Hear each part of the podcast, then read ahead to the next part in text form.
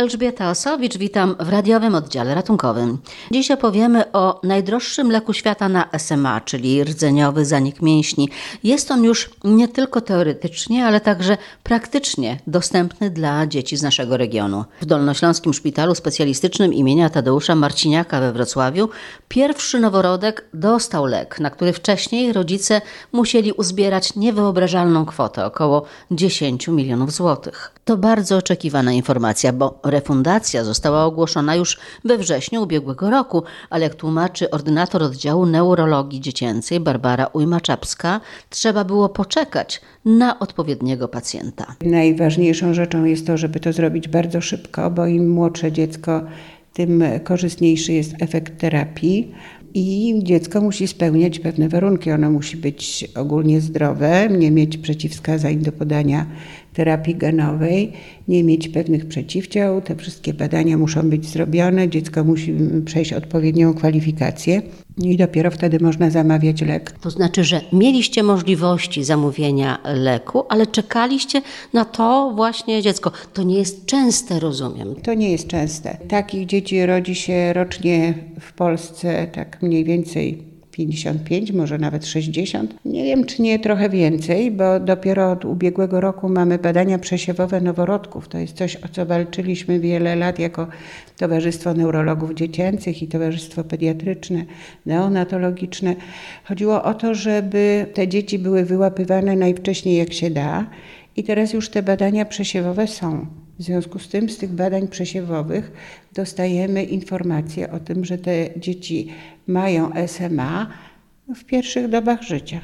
U Was w szpitalu porodówki nie ma, więc skąd to dziecko? To dziecko urodziło się w klinikach. Na Borowskiej zostało tam pięknie ocenione i dzięki współpracy lekarzy z naszym oddziałem zostało przekazane tutaj na kwalifikację. Przeprowadziliśmy tą kwalifikację. Ile wtedy miało? Dwa, trzy dni. To się robi błyskawicznie i o to chodzi, żeby było błyskawicznie. Ten lek musi przylecieć ze Stanów. To jest y, bardzo duży problem, jeśli chodzi o transport, dostarczenie, warunki, w których ten lek musi być, a już nie mówię o tym, że w ostatniej chwili dopiero otwiera się ampułka, rozpuszcza się lek żeby nie było tak, że ten potwornie drogi lek nie zostanie wykorzystany. Najdroższy lek świata. Myślę, że to już nie jest najdroższy lek świata, ale. Tak jest nazywany. Tak jest nazywany. Na, natomiast no, jest to dług wymagalny, jakby, który szpital na sobie trzyma.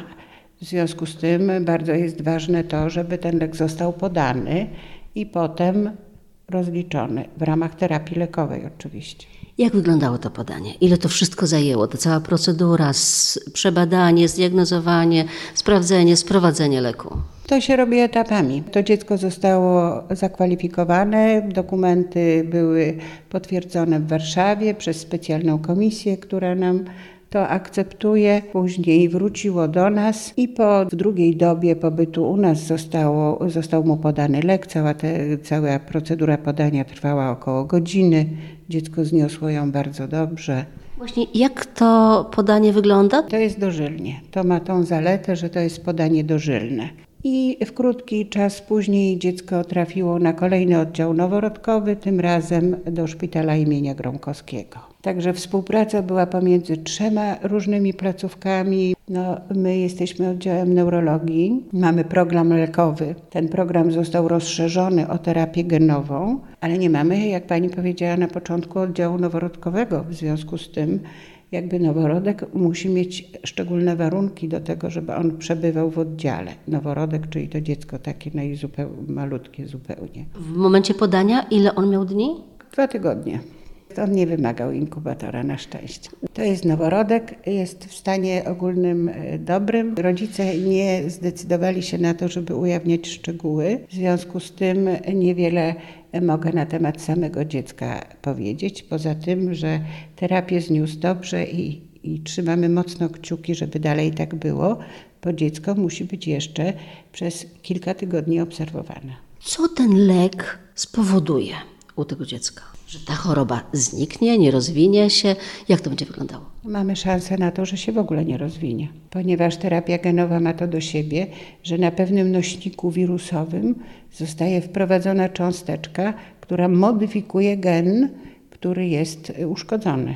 Wiemy na pewno, że ta terapia stosowana jest już od pewnego czasu i są już dzieci takie, które ją dostały w, pierwszej, w pierwszych dobach życia i rozwijają się bardzo dobrze. To jest rewolucja w Pani zawodowym życiu? W moim zawodowym życiu akurat jest to koło, które się bardzo zamknęło, ponieważ zaraz na początku mojej pracy zawodowej zetknęłam się z taką rodziną, w której było kilkoro dzieci z SMA, z tego większość już albo zmarła, albo była w ośrodkach. Jeszcze do niedawna przeżywalność tych dzieci z najcięższą postacią SMA to było 2-3 lata góra. Natomiast z tymi łagodniejszymi postaciami oczywiście przeżywalność była większa, ale też sprawność tych dzieci była żadna. No jeszcze parę lat temu była taka audycja, gdzie szukaliśmy sponsorów, dla, zbieraliśmy pieniądze dla dzieci na, e, na lek i to nie była terapia genowa, tylko to był nusinersen. To jest terapia, którą my prowadzimy już od dawna Mamy bardzo dużo dzieci, które to dostają i tam też podanie leku w pierwszym, możliwie najkrótszym okresie czasu, a jest już takie dziecko, które miało podane zaraz po urodzeniu, też daje szansę na w miarę dobry rozwój. Tyle, że różnica w terapiach jest zasadnicza, ponieważ podawanie nusinersenu to jest omijanie tego problemu, omijanie tego bloku, który stwarza wadliwy gen. Stymulowanie innego, równoległego jakby genu do tego, żeby produkował białko niejako zastępcze. W tej chwili ten program lekowy SMA składa się z trzech części. Mamy dzieci, które są na tej terapii nusinersenem, mamy dzieci, które są już na terapii genowej i mamy już terapię doustną. Ta terapia doustna taką mikrocząsteczką, która nie musi być podawana przez punkcję lędźwiową, bo nusinersen musi. I to jest czasami bardzo trudne. My to robimy na sali operacyjnej przy pomocy anestezjologów. Czasami skrzywienia kręgosłupa i inne problemy są tak duże, że w pewnym momencie staje się to niemożliwe. Wtedy ta część e, programu lekowego, która weszła teraz, czyli podawanie risdiplamu, jest e, szczęśliwym wyjściem z sytuacji. E, mało tego, jest to lek podawany doustnie, wobec tego on działa nie tylko na układ nerwowy, ale działa również na inne narządy i organy, bo wchłania się i przechodzi przez barierę. Czy ta dostępność do tych leków, których Pani wymieniła, będzie oznaczało, że rodzice już nie będą musieli zbierać tych pieniędzy na leczenie swoich dzieci? No taką mam nadzieję, że tak będzie. Świat idzie tak bardzo do przodu, że nie wiemy, jakie terapie zostaną wprowadzone w krótkim czasie.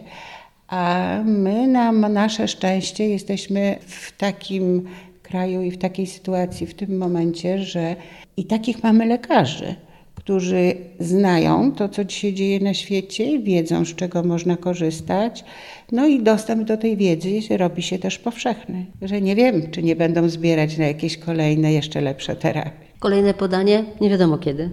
Kolejne podanie nie wiadomo kiedy. To się dzieje bardzo szybko, bo w momencie badania przesiewowego ta informacja dociera, żeby ośrodki były przygotowane na to, że to będzie. No, mamy prawdopodobieństwo takiego noszenia takiego genu 1 na 35 osób. Wystarczy spotkać drugą taką osobę, która nosi ten sam gen, żeby mieć z kolei 25% prawdopodobieństwo, że urodzi nam się dziecko z SMA. Dla rodziców do tej pory ta wiadomość to był po prostu no, cios, to było coś tak e, wstrząsającego. Wiedzieli, ja rozmawiałam z tymi rodzicami, oni po prostu po tym, jak się dowiadywali o tym, że dziecko ma SMA, e, no to najpierw się załamywali, płakali, potem brali się e, za zbiórki czegoś, co wydawało się niemożliwe, no bo jak nazbierać 10 milionów, nie? Ale też tutaj znowu okazywało się, że niemożliwe też jest możliwe, bo ludziom się to udawało. Ludziom się to udawało, no, może dlatego ja w to wierzę zresztą, że, że my jesteśmy tak naprawdę dobrzy z natury i jak coś takiego się zdarza, to się mobilizujemy, zbieramy się do kupy i pomagamy. To jest jeszcze taki komfort też, myślę dla pani, że przychodzi rodzic z taką diagnozą i pani nie rozkłada rąk, tylko pani ma coś do zaproponowania. Tak, oczywiście. Ja powiem więcej, to SMA to oczywiście to tak bardzo widać teraz, ale proszę pamiętać o tym, że SM u dzieci też choroba, gdzie też nie rozkładamy już rąk, tylko proponujemy rodzicom różne warianty terapii.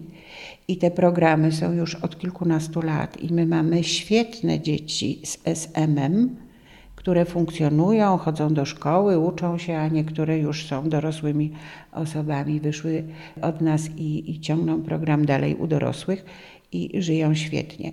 Także te programy lekowe to naprawdę jest wielkie szczęście. W radiowym oddziale ratunkowym dziś to już wszystko. Elżbieta Osowicz. Do usłyszenia.